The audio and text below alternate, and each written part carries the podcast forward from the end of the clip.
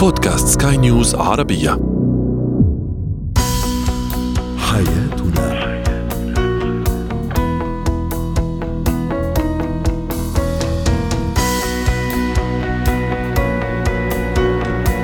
مستمعينا الكرام أهلا بكم معنا إلى حياتنا. فضاؤكم اليومي الذي يعنى بشؤون الأسرة وباقي الشؤون الحياتية الأخرى والذي يمكنكم الاستماع إليه عبر منصة Sky News dot com slash بودكاست وباقي منصات سكاي نيوز العربية الأخرى معي امال شهبه سنتحدث اليوم عن تنمية الذكاء الاجتماعي عند الطفل كيف أنمي هذا الجانب؟ ثم أيضا سنتحدث كيف أتأكد بأنني وجدت الشريك المناسب شريك الحياة سواء بالنسبة للفتاة أو للشاب. وأخيرا إتيكيت العروس.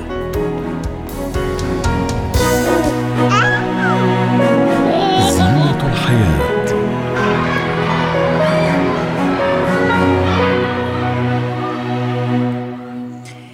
يلعب الذكاء الاجتماعي دورا أساسيا في حياتنا بشكل عام، لكن ماذا عن الطفل أيضا؟ أكيد أنه يلعب دور كبير في صقل شخصيته ودفعه نحو إقامة علاقات متينة ووثيقة مع الأشخاص المحيطين به ويقيه أيضا من شر الوقوع في المشاكل النفسية بالإضافة للفشل الدراسي. للحديث عن هذا الموضوع تنضم إلينا عبر الهاتف من أبو ظبي هبه شركس الخبيره التربويه اسعد أوقاتك أستاذة هبة. عادة ما نربط الذكاء الاجتماعي والعاطفي حتى بالكبار بالبالغين لأنه يعني أهلهم لعيش حياة عادية ومتوازنة إذا صح التعبير هل الطفل أيضا محتاج لأنمي فيه هذا الجانب أقصد الذكاء الاجتماعي وكيف ذلك؟ هو طبعا من أهم الأدوار التربوية عندنا إن إحنا ننمي عند الطفل الذكاء الانفعالي والذكاء الاجتماعي إن هو يفهم نفسه ومشاعره ويفهم مشاعر الآخرين ويقدر يوازن ما بين احتياجاته واحتياجات الآخرين وبين مشاعره ومشاعر الآخرين. وهي ده أساس الذكاء الاجتماعي يعني إن الطفل يبقى عنده هذه المهارات وأنا بعتبر ده من الادوار الأساسية يعني ما ينفعش إن أنا ابني يوصل مثلا سن 10 و12 سنة ويكون لسه ما اكتشف ما اكتسبش المهارات الاجتماعية اللازمة اللي تمكنه من إن هو يعيش بحالة نفسية جيدة وبعلاقات اجتماعية ناضجة. جميل. فدي حاجة مهمة جدا للأهل. على كذا استاذة هبة متى أبتدي أنا وطفلي إني أبتدي معاه إني اعلمه يعني اسس هذا هذا القاعدة المثينه اللي هي الذكاء الاجتماعي. في أي سن تقريبا؟ من والطفل عمره شهور. بمجرد إن أنا بحاول ألاعب الطفل وأستنى ابتسامته واستجاوب لابتسامته وأتجاوب لبكائه فأنا كده بقول له إن في لغة مشتركة بينك وبين العالم الخارجي. في ناس حواليك أنت تقدر تحركهم و... وتثير اهتمامهم وكمان ناس أنت ممكن تستجيب لهم. لما بلاعب ابني اللي عمره شهور بألعاب تكون مثيرة وألعاب تكون مشتركة يعني أنا أحدف له الكورة وهو يحدفها لي أو أنا مثلا أضغط على زرار وهو يطلع ميوزك فهو يعمل حركات بجسمه. أنا من هنا ببدأ إن أنا أعمل تواصل اجتماعي. الأم اللي بتحط طفلها على صدرها وبتبص في عينيه في أثناء عملية الرضاعة هي هنا بتبدأ تعمل أو تحط بذور الذكاء الاجتماعي أو التواصل الاجتماعي عند الطفل. آه التعامل مع الطفل بقى اللي هو عمره شهور كأنه هو روبوت أو كأنه هو آه آلة هو ده واحدة من الحاجات اللي بتبوظ الذكاء الاجتماعي عند الأطفال أو, أو كأنه فقط متلقي يعني وكأنه يعني هدفه في هذه الحياة أنه يأكل وياخد حليبه أو ينام وفقط يعني. في في أمهات بياخدوا الطفل يأكلوه كأن هي يعني بتأكل بطة تمسكه كده وتكتفه وتروح حاطة له الأكل طق طق طق عشان تخلص. تنهي تاسك. لكن ال ال الإحساس اللي من جوه ما بيبقاش موجود. الإحساس اللعب معاه الكلام معاه وهو بياكل إن أنا اديله مساحة يمسك المعلقة ويأكل نفسه كل الحاجات دي التواصل ده هو البذور الأساسية للتواصل الاجتماعي. جميل. العلاقات الاجتماعية محكومة بالعلاقات الأولى في حياة الطفل. لو كانت العلاقات الأولى في حياة الطفل آمنة و... وناجحة وفيها ثقة وفيها تبادل مش مش علاقة في اتجاه واحد علاقة في اتجاهين بعد كده علاقاته الاجتماعية هتكون مبشرة وهتكون علاقات جيدة وعلاقات ناجحة. ممتاز رائع كلامك جميل جدا أستاذة هبة. طيب الآن إحنا في مرحلة الطفولة المبكرة. سنتين ثلاثة أربعة. طفل خلاص يمشي ويتكلم وعنده رصيد لغوي و و و. كيف أنا أيضا أنمي فيه هذا الذكاء الاجتماعي أستاذة هبة؟ آه، طبعا الأداة الأولى اللي بنستخدمها هي اللعب. اللعب ده بروفة الحياة. الولاد بيبدأوا من خلال اللعب يبدأوا يعملوا تواصل اجتماعي فبيبقى الطفل محتاج إنه يلعب مع أطفال من سنه. مهم قوي إن الأم تبقى حريصة إن يكون في أطفال من سن الطفل موجودين حواليه. لو الطفل وحيد أو الطفل صغير وفرق كبير ما بينه وما بين إخواته لازم يبدأ يروح الحضانة أو يبدأ آه، تجمعات مع الجيران أو مع الأهل اللي عندهم أطفال من سنه. لأنه هم بيلعبوا بيتعلموا كذا حاجة. بيتعلموا إن هو ينتظر دوره. فبيتعلم إن في دوره وفي دور الآخر. بيتعلم to share بيتعلم المشاركة. إن هو ممكن في بعض الألعاب بتكون محتاجة مشاركة وهو لوحده ما ينفعش يلعب بيها. آه بيتعلم آه الاحترام إن هو يحترم الآخر. بيتعلم إنه آه ينتظر ال ال إن مش أنا والآن يعني بيبدأ يتخلص من الآنية أو اللي هي الأنا والآن. يحترم مشاعر الآخرين يتعاطف. لو لقى حد بيبكي ونبهناه إن لأ تعالى نروح نشوفه تعالى نصالحه تعالى كذا فبيبدأ يتعلم التعاطف. ففكرة إن الطفل يكون عنده آه رفقاء لأن هو لازم يتعلم العلاقات الندية وكمان بعلمه في المرحلة دي العلاقات علاقته مع اللي أكبر منه. اللي هو في سن سنتين ثلاثة أربعة بعلمه علاق نوعين من العلاقات. العلاقات الندية مع الأقران وبعلمه علاقته باللي أكبر منه إن هو برضو يسمع الكلام إن هو إزاي يتحاور مع الكبار إزاي يستأذن إمتى يتدخل في الحوار إمتى لما أقول له يسكت يسكت. يعني بنبدأ نعلمه بعض الآداب اللي هي آداب المجلس وآداب الحوار فده برضو بيعزز الذكاء الاجتماعي والوجداني عند الأطفال. استاذه هبه منح الطفل أيضا دور القيادة، هل يعزز من موضوع الذكاء الاجتماعي؟ آه، هو الطفل لو كانت طبيعة شخصيته قيادي لأن الأطفال مختلفين. لو الطفل طبيعة شخصيته قيادي فطبعا القائد ده بيحتاج قائد. بيبقى لازم الأم تتعامل معاه والأب والأسرة تتعامل معاه آه برضو بإن هم آه هم القادة وهم أصحاب القرار وإن الابن بيحترم هذا هذه القيادة ويعززوا عنده دور القيادة في وسط فريق العمل بتاعه. لو الطفل كان من النمط التعاوني التشاركي اللي بيحب فريق العمل آه، بيطمن أكتر لما يكون في ناس حواليه ممكن يكونوا خبراء أكتر منه كمان. فهنا برضو مهم إن الأم تعرف طبيعة طفلها لأن كل الناس عايزين أبنائهم يكونوا قادة. لكن هو طبيعة الشخصيات بتحكم. في إنسان هو بطبيعته بيكون قيادي بطبعه وفي إنسان بيكون تشاركي آه، بطبعه. يعني بيحب فريق العمل أكتر ما بيحب إن هو آه، يقود. في ناس عاطفية وحساسة بتحب العلاقات الاجتماعية اللي فيها طبطبة وود وأمان وضحك. أكتر ما تكون بتبحث عن دور قيادي بتكون بتبحث عن الشعبية أكتر من القيادة. فمهم قوي إن برضو الأم تفهم الطبيعة الاجتماعية لطفلها علشان تعزز هذه الطبيعة لأن كل واحد مننا له دور مهم. يعني الأطفال اللي بيحب يكون لهم شعبية غير الطفل اللي بيحب السيطرة والقيادة غير الطفل اللي بيحب التعاون وفريق العمل ففهم الأم لهذه الطباع الاجتماعية للطفل مهم جدا عشان تقدر تعزز آه، ثقته بنفسه وعلاقاته الاجتماعية في المستقبل. شكرا لك أستاذة هبة شركس الخبيره التربوية ضيفتنا من أبو ظبي. هو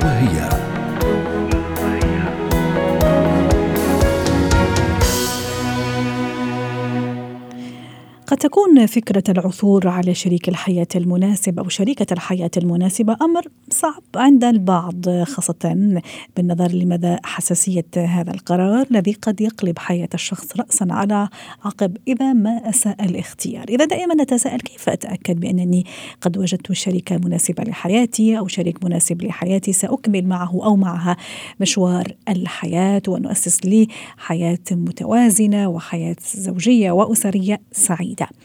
للحديث عن هذا الموضوع تنضم إلينا عبر الهاتف من القاهرة دكتورة أمل رضوان الاستشارية النفسية والأسرية. سعد أوقاتك دكتورة أمل. كيف أعرف بأني فعلا أنا وجدت شخص مناسب سأكمل معه بقية الحياة؟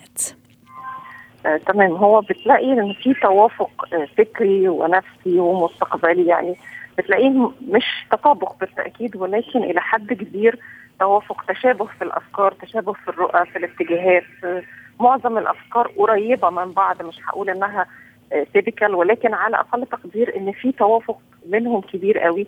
آه، في احترام متبادل أو في أيضا نضج في في في التعاطي أو في التعامل مع الاختلاف. أكيد يعني مم. هي فكرة الاختلاف ده ما هو لازم يكون في قبول لفكرة الاختلاف وإن فكرة. الاختلاف دي أمر بديهي جدا إن هم نوي إن هم يكونوا شبه بعض في كل حاجة. ولكن الفكرة في التقارب في التوافق الفكري يعني إن يكون آه، معظم الآراء متفقين عليها ال- الحاجات المصيرية أو القرارات في قبول وفي ارتياح إن أنا الشخص ده أنا متقبله زي ما هو باختلافه. يعني رغم وجود الاختلاف لكن أنا متقبل الاختلاف ده وفاهمه وعارف أتعامل معاه ولازم يكون من البداية كلاهما فاهم إن طبيعة الرجل وطبيعة المرأة مختلفين عن بعض فبديهي إن يكون في اختلافات في الرؤى وفي اختلافات في وجهات النظر بس عارفين إن هم يوحدوا ال- القرارات في الآخر يوحدوا الآراء متقبلين فكرة الاختلاف. في أكيد مهم قوي إن يكون ما بينهم احترام متبادل يعني ما فيش حياة هتنجح من غير ما يكون في احترام ما بين الطرفين. آه، في ثقة متبادلة برضو. ودايما بقول إن الثقة تحديدا هي مسؤولية الآخر مش مسؤولية الشخص نفسه. يعني أنا عشان أثق في الآخر دي ما هو عليه إن هو يكون شخص واضح شفاف صريح صادق. فبالتالي أنا هثق فيه فكلاهما عليه ان هو يكون واضح مع الآخر ما فيش غموض في التصرفات في آه. المواقف فبالتالي حتن يعني ده هينشئ ثقة آه، مهمة ما بينهم قوي أنا راح أضيف برضه؟ لكل هذه الأشياء اللي حضرتك عم تحكي عليها دكتورة. أمل موضوع السجية أو الطبيعة يعني أني أكون على طبيعتي أني أكون أنا على عفويتي هل أيضا هذه علامة من العلامات أنه هذا فعلا هذا الشريك المناسب اللي راح يفهمني في كل حالاتي راح يتقبلني في كل حالاتي؟ ونفس الشيء بالنسبة لي الشريكة أيضا راح تتفهموا في كل الحالات وتتقبلوا في كل الحالات من غير تكلف من غير تصنع ومن غير أنه آه، يعني نعمل مكياج بين قوسين أو نلبس قناع حتى. نرضي الشخص الآخر. ده حقيقي وده بيريح الطرفين لأن فكرة ارتداء الاقنعه اللي هي حتما هتزول وقت ما فبيبتدي يحصل بعدها صدمة في الآخر وصدام فيما بعد. فمهم قوي إن كلاهما يكون على طبيعته ما مش بي يعني مش بيدعي بعض الأمور أو بيتجمل بطريقة غير واقعية.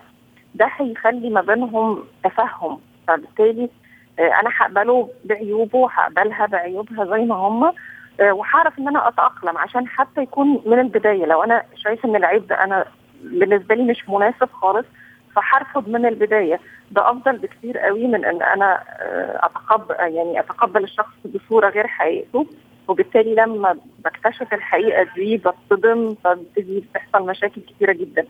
فمهم إن كلاهما يكون صادق في التعامل مع الآخر على. طبيعته آه، بدون تكلف أو تصنع ده هيؤدي إلى مزيد من التفاهم.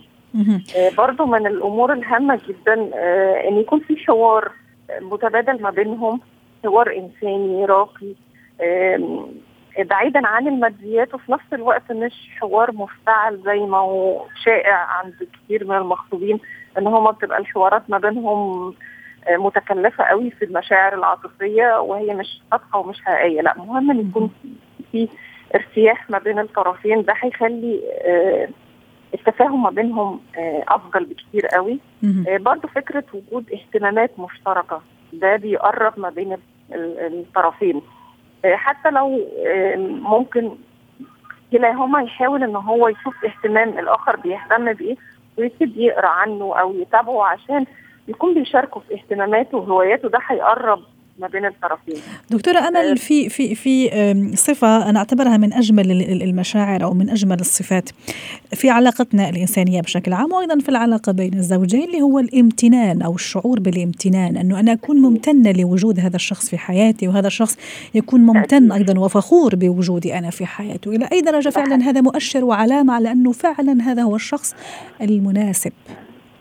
زي ما قلت في البداية الاحترام والتقدير ده مهم جدا في نجاح أي علاقة في الدنيا آه، لكن لو آه، شخص ما يعني من الاثنين بيتعامل بأفقية أو نظرة دونية للآخر أو إنه حاسس إن هو كتير عليه أو إن التاني أقل منه كل ده هيعمل مشاعر سلبية ما بينهم هيؤدي إلى فشل العلاقة في يوم من مم. الأيام حتى لو كملوا واتجوزوا بيحصل فشل في استمرار العلاقة مهم. قوي ال- التقدير و...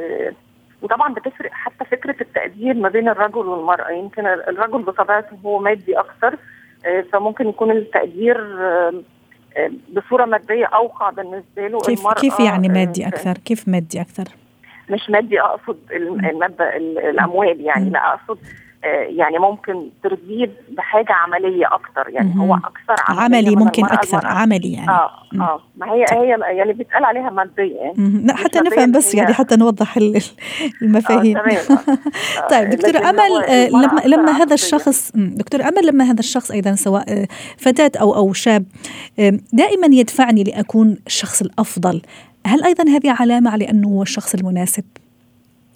ده برضو من المعلومات المهمة جدا إن هو شخص آم، يعني بيدفع ال- الآخر للنجاح. يمكن تحديدا في المجتمعات الشرقية بعض طبعا مش كل ولكن بعض الرجال بتلاقيه إن هو بيطلب من المرأة إنها تترك عملها أو بيغير من نجاحها في بعض الحالات. كل ده علامة من علامات إن هو مش الشخص المناسب ولكن لما كلاهما يكون بيشجع الآخر على النجاح بيدفعه للنجاح بيقوده بيوجهه بيدعمه بيسنده مهم. كل الحاجات دي ده معناه إن هو حد هيقدر يكمل معايا بطريقة إيجابية. أنا. هستفاد منه وهو هيستفاد مني. فدي برضو مهمة جدا إن يكون داعم وسند للآخر. وفي وقت الأزمات أبقى مطمن لوجود الآخر ده في حياتي إن هو هيدعمني مش هيتخلى عني مش هيتركني مش هيحس بإن أنا عبء عليه. فكل ال- الأمور دي بتبان من من البدايات يعني. بس أوقات الناس هي اللي بتتغافل عن العيوب وعن. الأخطاء وبتبقى عايزة تكمل في الموضوع ده رغم إن العيوب إلى حد كبير بتبقى باينة يعني حتى اللي بيمثل وبيدعي شيء. مش موجود فيه. في, بتلاقيه كذا تظهر بشكل لا إرادي دكتورة أمل من الطرف. فيعني تخبرنا أنه هذا هو الشخص غير مناسب ولكن عبثا يحاول البعض أنه يستمر. آخر آخر شيء دكتورة أمل لما يستبدل هذا الشريك أو هذا الشخص أو شريك المستقبل كلمة أنا بمفردة أو مصطلح نحن يعني دائما يفكر بصفة الجمع أنا وهو يعني أو أنا وهي.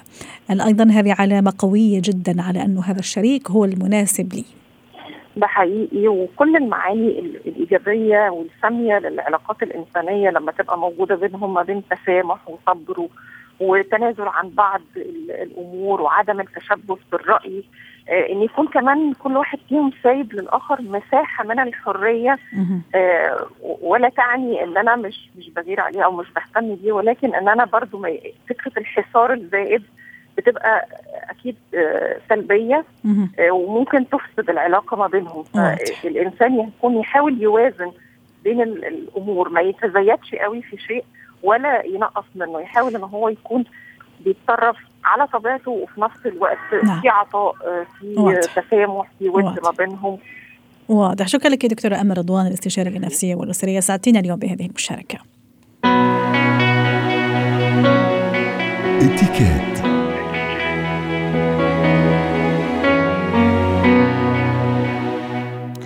اليوم في اتيكيت سنتحدث عن اتيكيت العروس للحديث عن هذا الموضوع. تنضم إلينا من الكويت وفاء جواد الشطي الخبيرة في الاتيكيت والتواصل. يسعد أوقاتك أستاذة وفاء. صحيح أنه الآن. الوقت يا أهلا وسهلا. الوقت مش مناسب للأفراح والأعراس على نطاق واسع بسبب الكورونا وإن شاء الله الموضوع إلى انحصار إن شاء الله يا رب.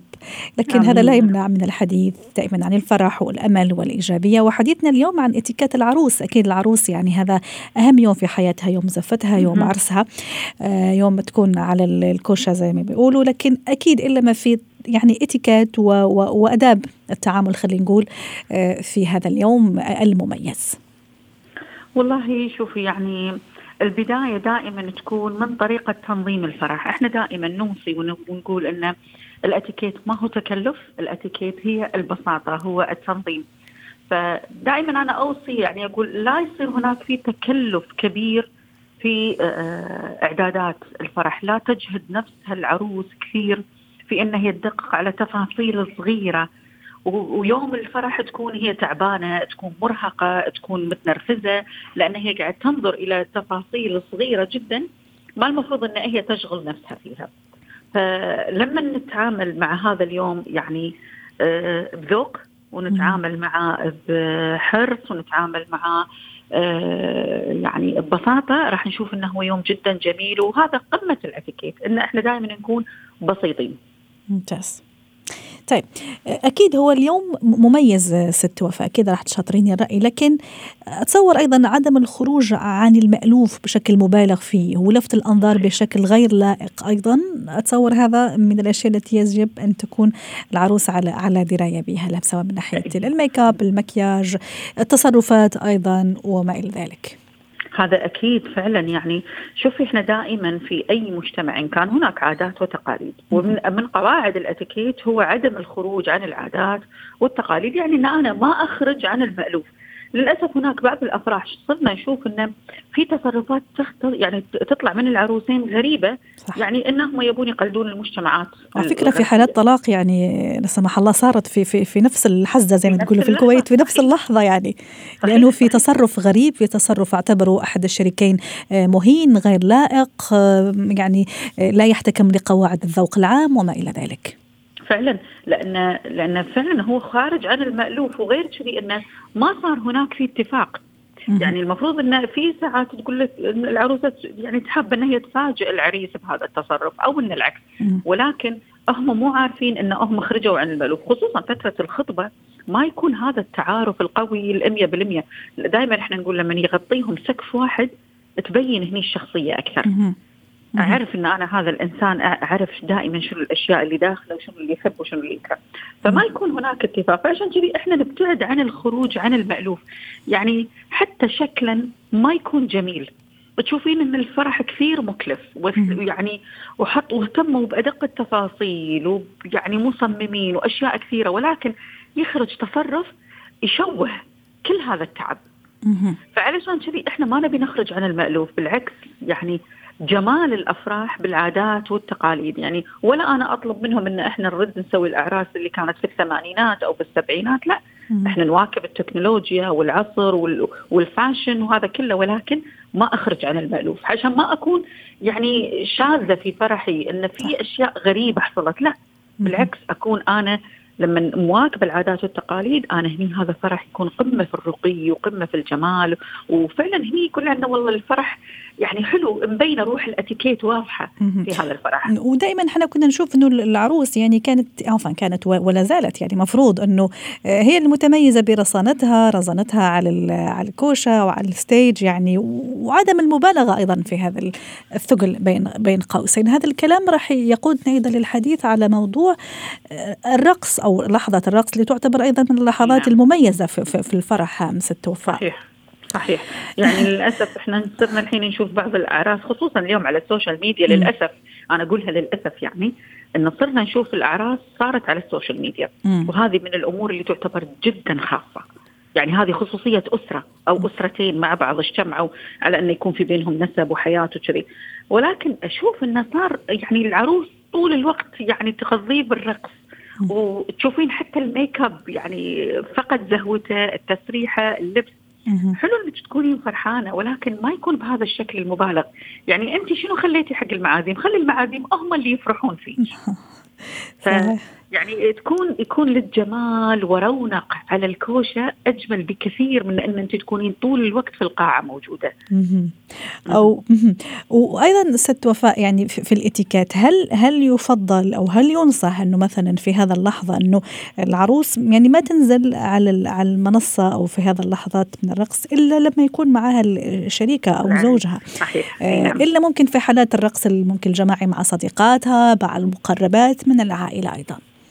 هذا ممكن يصير فعلا. ويعني آه، إحنا نقول بعد خليها تفرح ولكن يصير مرة يعني في في طول العرس ما يكون إنه طول العرس هي موجودة ترقص مع المعازيم ومع صديقاتها ومع هذا.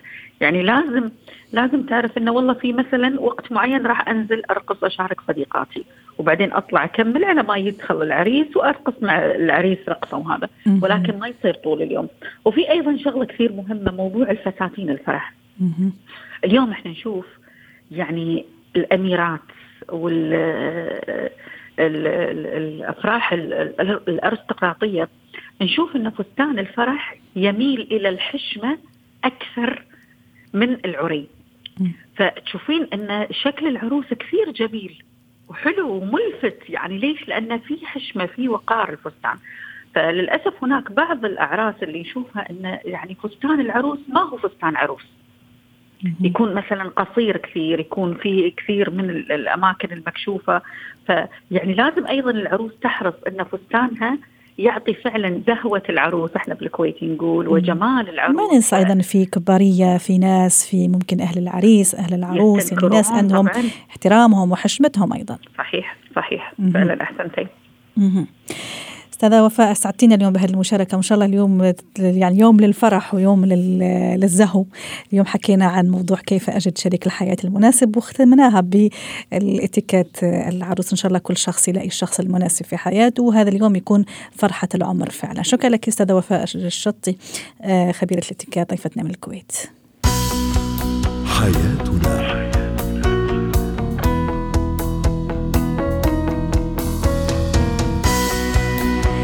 ختام حلقة اليوم من حياتنا. شكرا لكم وإلى اللقاء. حياتنا